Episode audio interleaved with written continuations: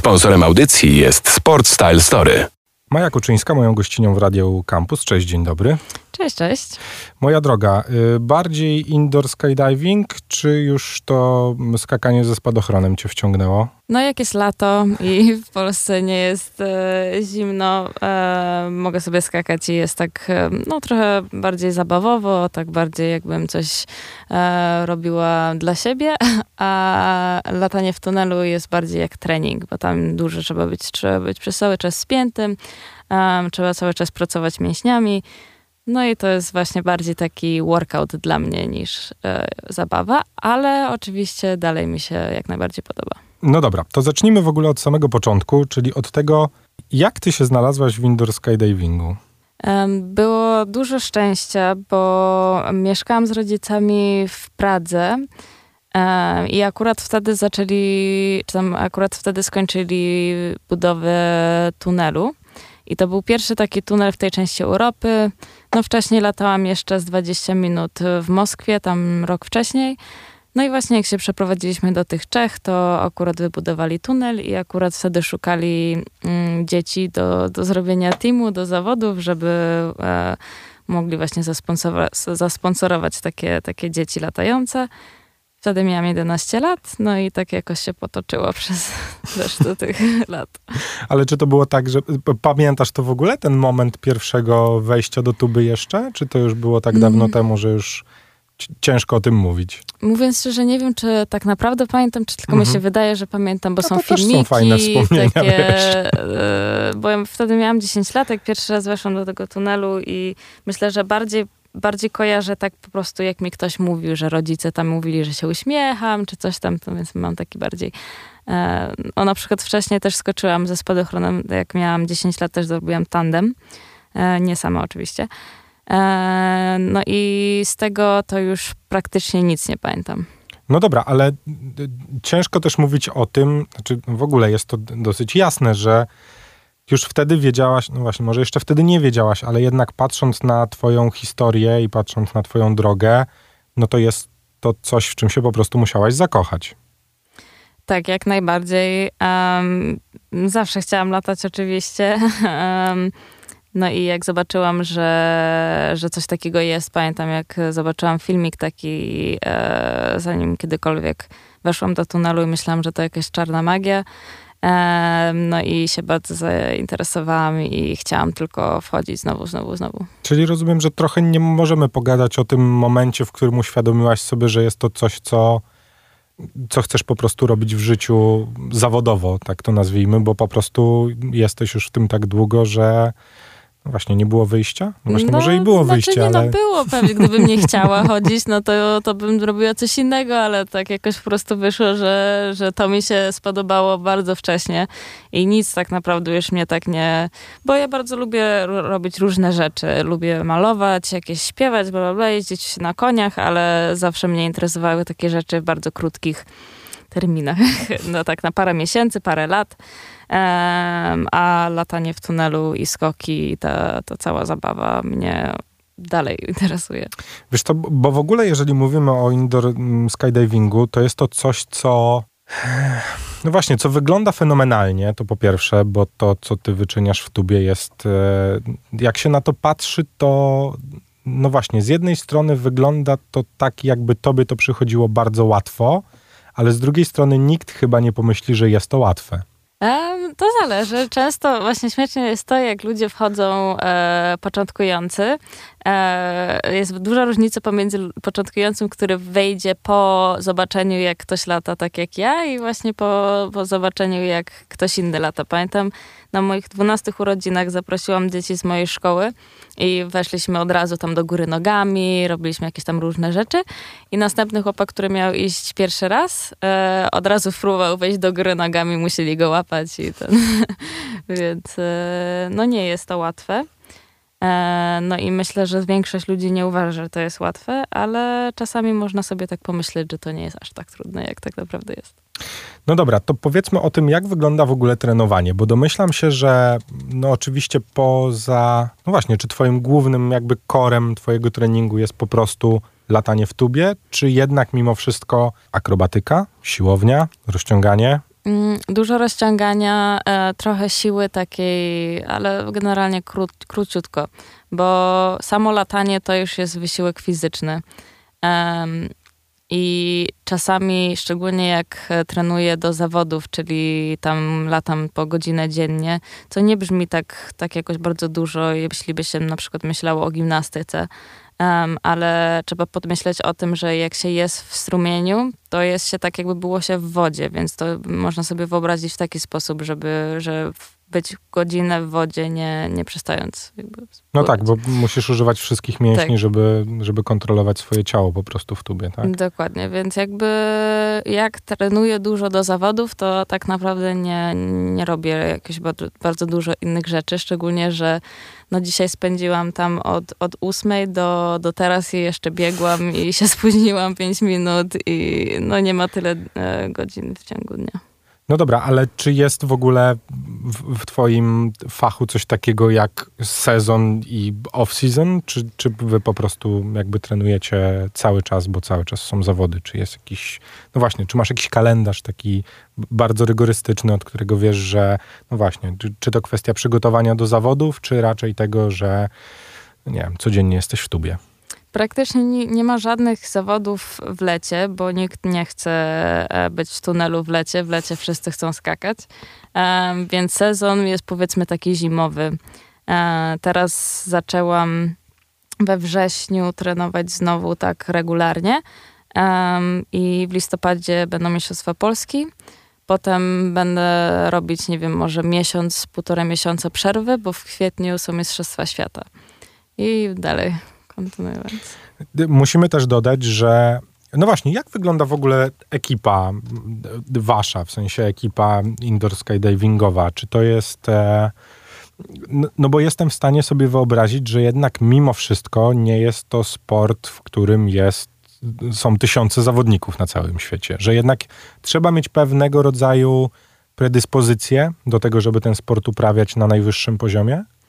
Myślę, że predyspozycje nie w taki sposób, jakby się no, jakby myślało. e, No dobra, że bo, nie, nie, że trzeba mieć tam na przykład tylko nie wiadomo- 1,60 m albo 1,65 m wzrostu. No nie wiadomo, przed tym jak ktoś pierwszy raz poleci, nie wiadomo tak naprawdę, czy będzie, do, może by jakby ktoś być super fit, super jakby rozciągnięty, jakieś różne inne rzeczy, ale nie mieć dobrej kontroli nad swoim ciałem w tunelu i to po prostu za, zależy od osoby.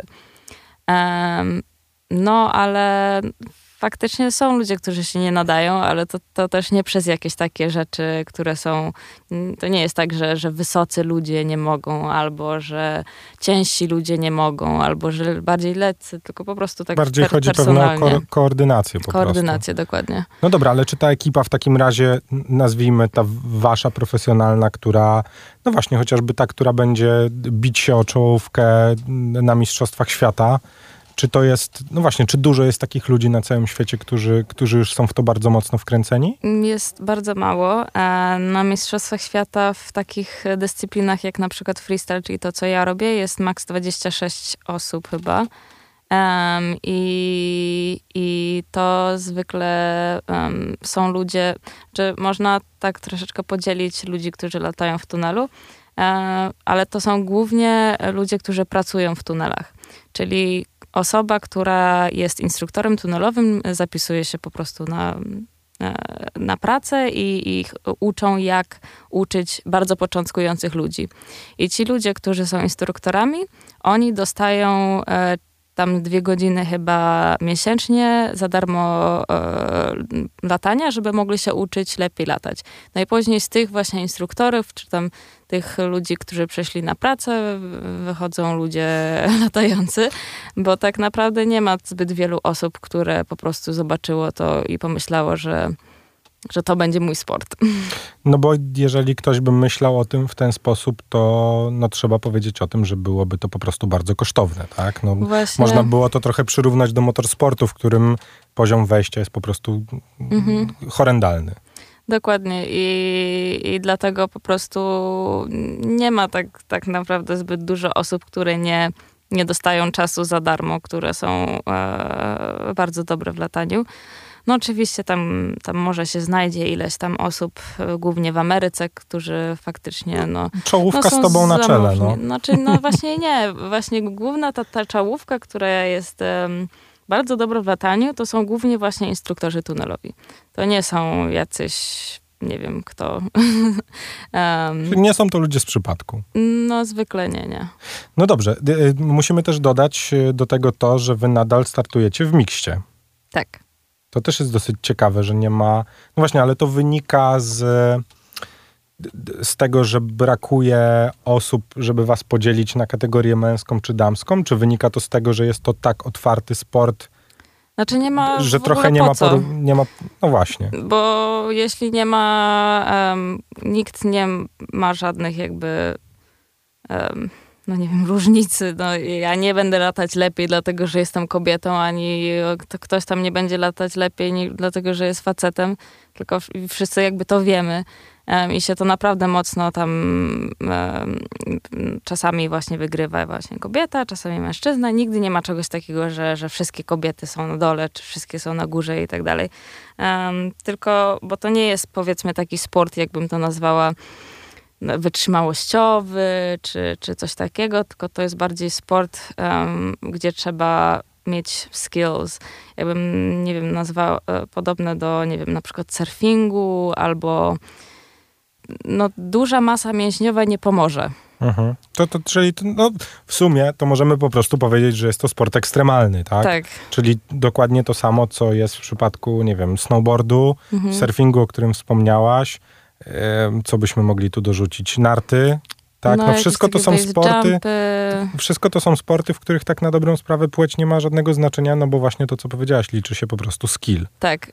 I to jest jakby najważniejsze i mam nadzieję, że nigdy to się nie zmieni, bo to jest moją ulubioną częścią mojego sportu, jest to, że, że no bo szczególnie, że są takie też wypadki, gdzie jest taki chłopczyk, on jest chyba z Singapuru em, i jest tak rozciągnięty i lata tak, e, tak pięknie, artystycznie, tak jak balet, a potem są takie na przykład dziewczyny, które latają mniej rozciągnięte, bo nie są aż tak rozciągnięte, jakby to nie ma nie ma jakby to kategoryzować, szczególnie e, jeśli chodzi o, o płeć.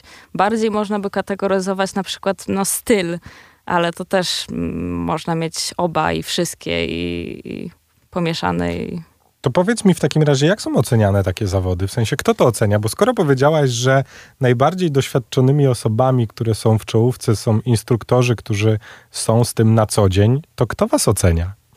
To jest akurat śmieszna sytuacja, bo to jest najgorsza rzecz na razie w naszym sporcie, jest dlatego, że jest taki młody, że, e, że żeby móc się nazywać sportem em, oficjalnym, czyli e, mieć Mistrzostwa Świata takie oficjalne, oficjalne, no to to musi być organizowane przez taką firmę, która się nazywa FAI, tam Federation Aeronautique International, coś o, o, o, o lotach i wszystkich latających sportach.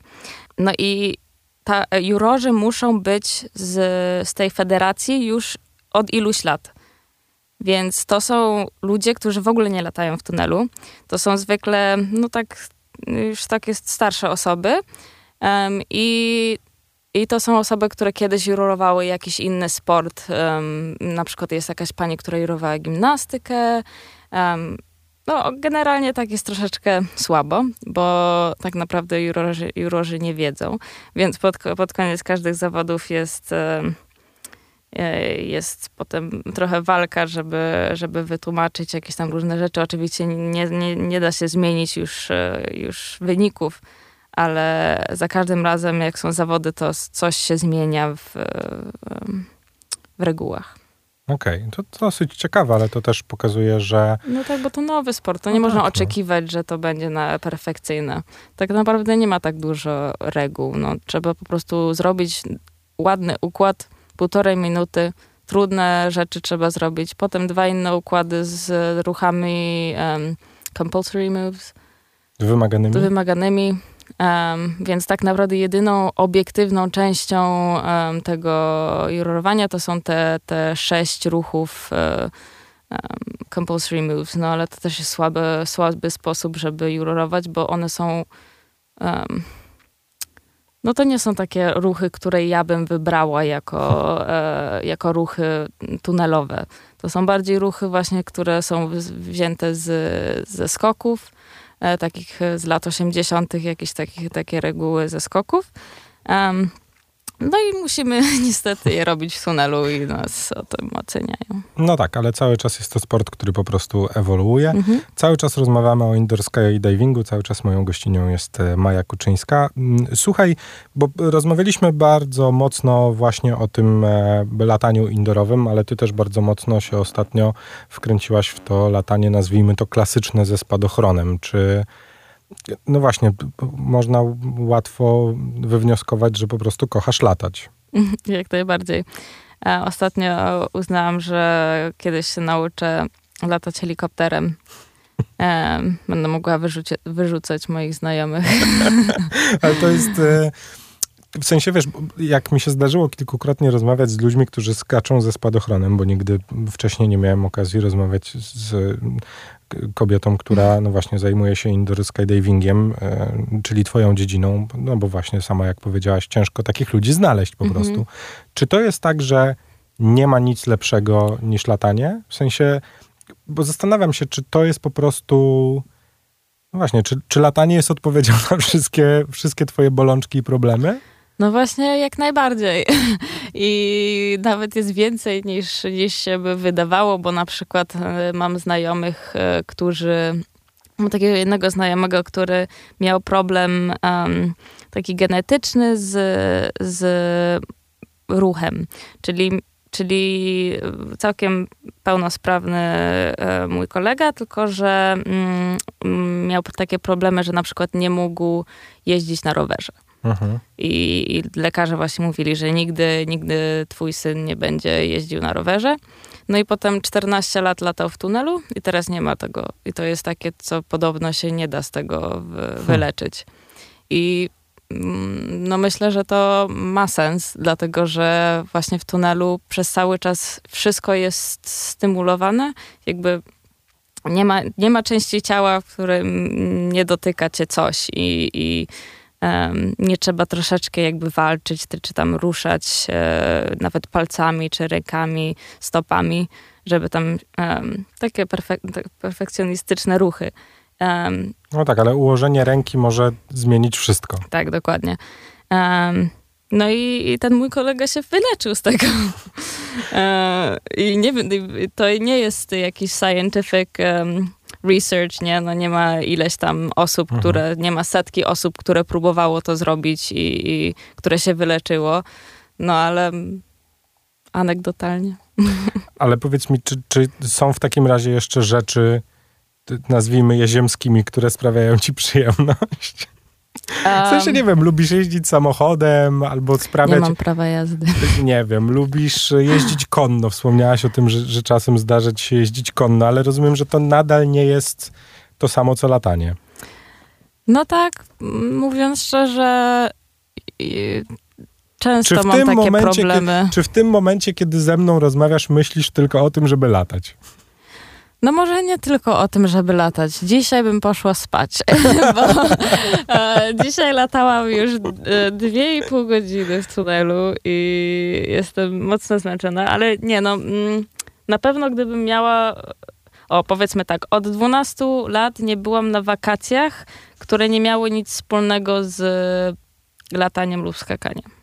No dobra, ale ty też, no wiesz, no, zjeździłaś jednak trochę świata i samo no właśnie, to co robisz też e, podróżujesz dzięki temu, więc... No właśnie, to no tak, tak, wiąże ale... się ze wszystkim, tam moi wszyscy no znajomi tak, no. latają, moi, to jest taki po prostu światek zamknięty i czasami jest mi trudno faktycznie się od tego um, spróbować, nie wiem, spotkać nowych ludzi czy coś, e, ale mm, no to jest taki światek.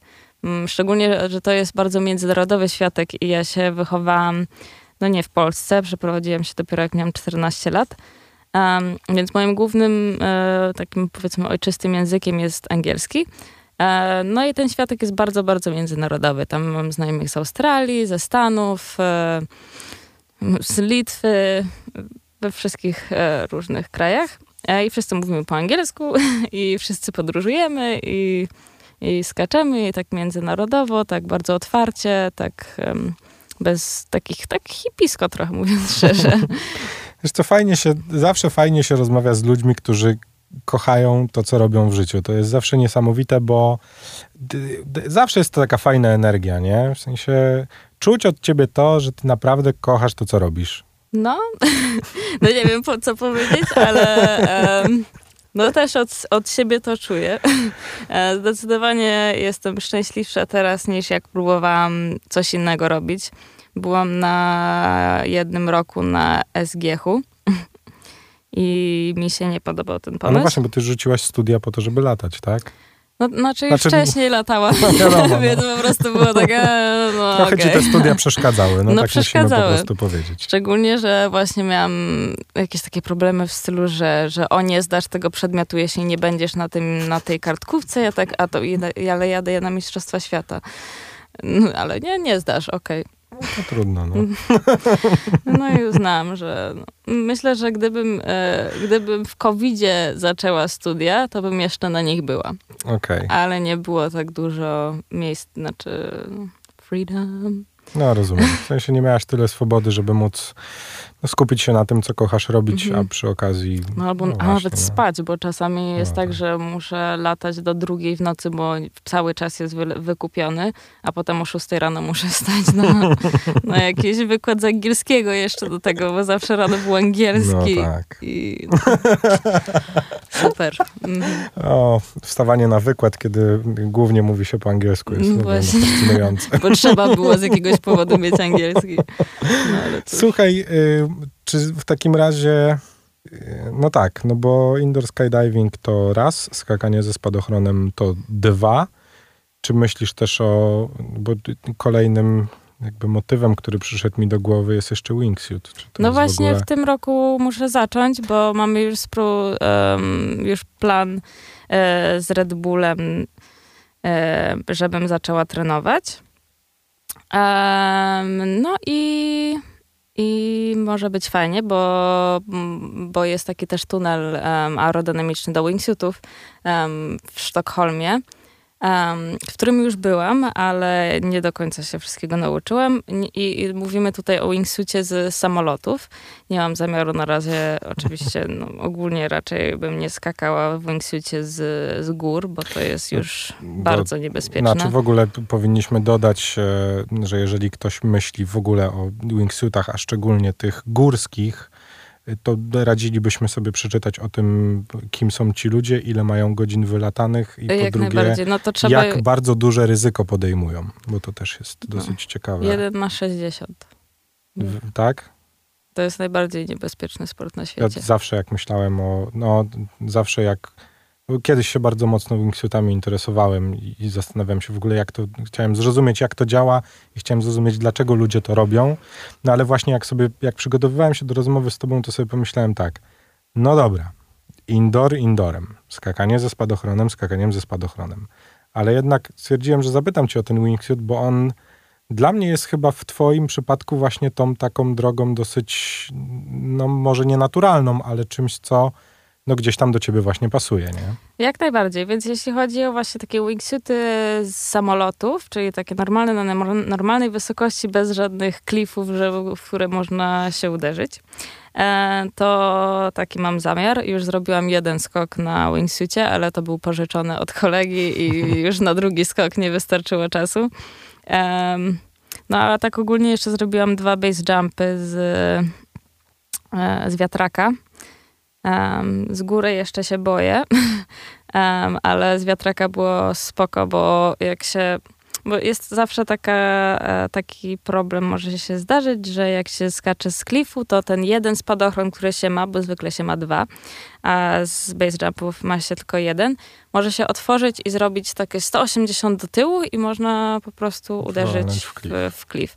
A, um, a no na takim wiatraku właśnie... Bo można by sobie się wykorygować. Bardzo się cieszę w ogóle, że dane mi było z tobą się spotkać i z tobą porozmawiać, bo takie rozmowy zawsze dają bardzo fajnego kopa. Mam nadzieję, że naszym słuchaczom też to da pewnego rodzaju kop energetyczny do działania, bo, bo tak jak ci powiedziałem, super pogadać z osobą, która widać, że kocha to, co robi. W takim razie tego wingsuitu w przyszłym roku, no i udanego występu na Mistrzostwach Świata. Super, to bardzo dziękuję. Bo jakby też musimy powiedzieć, że będziesz tam startować jednak mimo wszystko z pozycji faworytki, no. Na Mistrzostwach Świata? No nie no, wiem. Słuchaj, no. A jak nie, jak tak.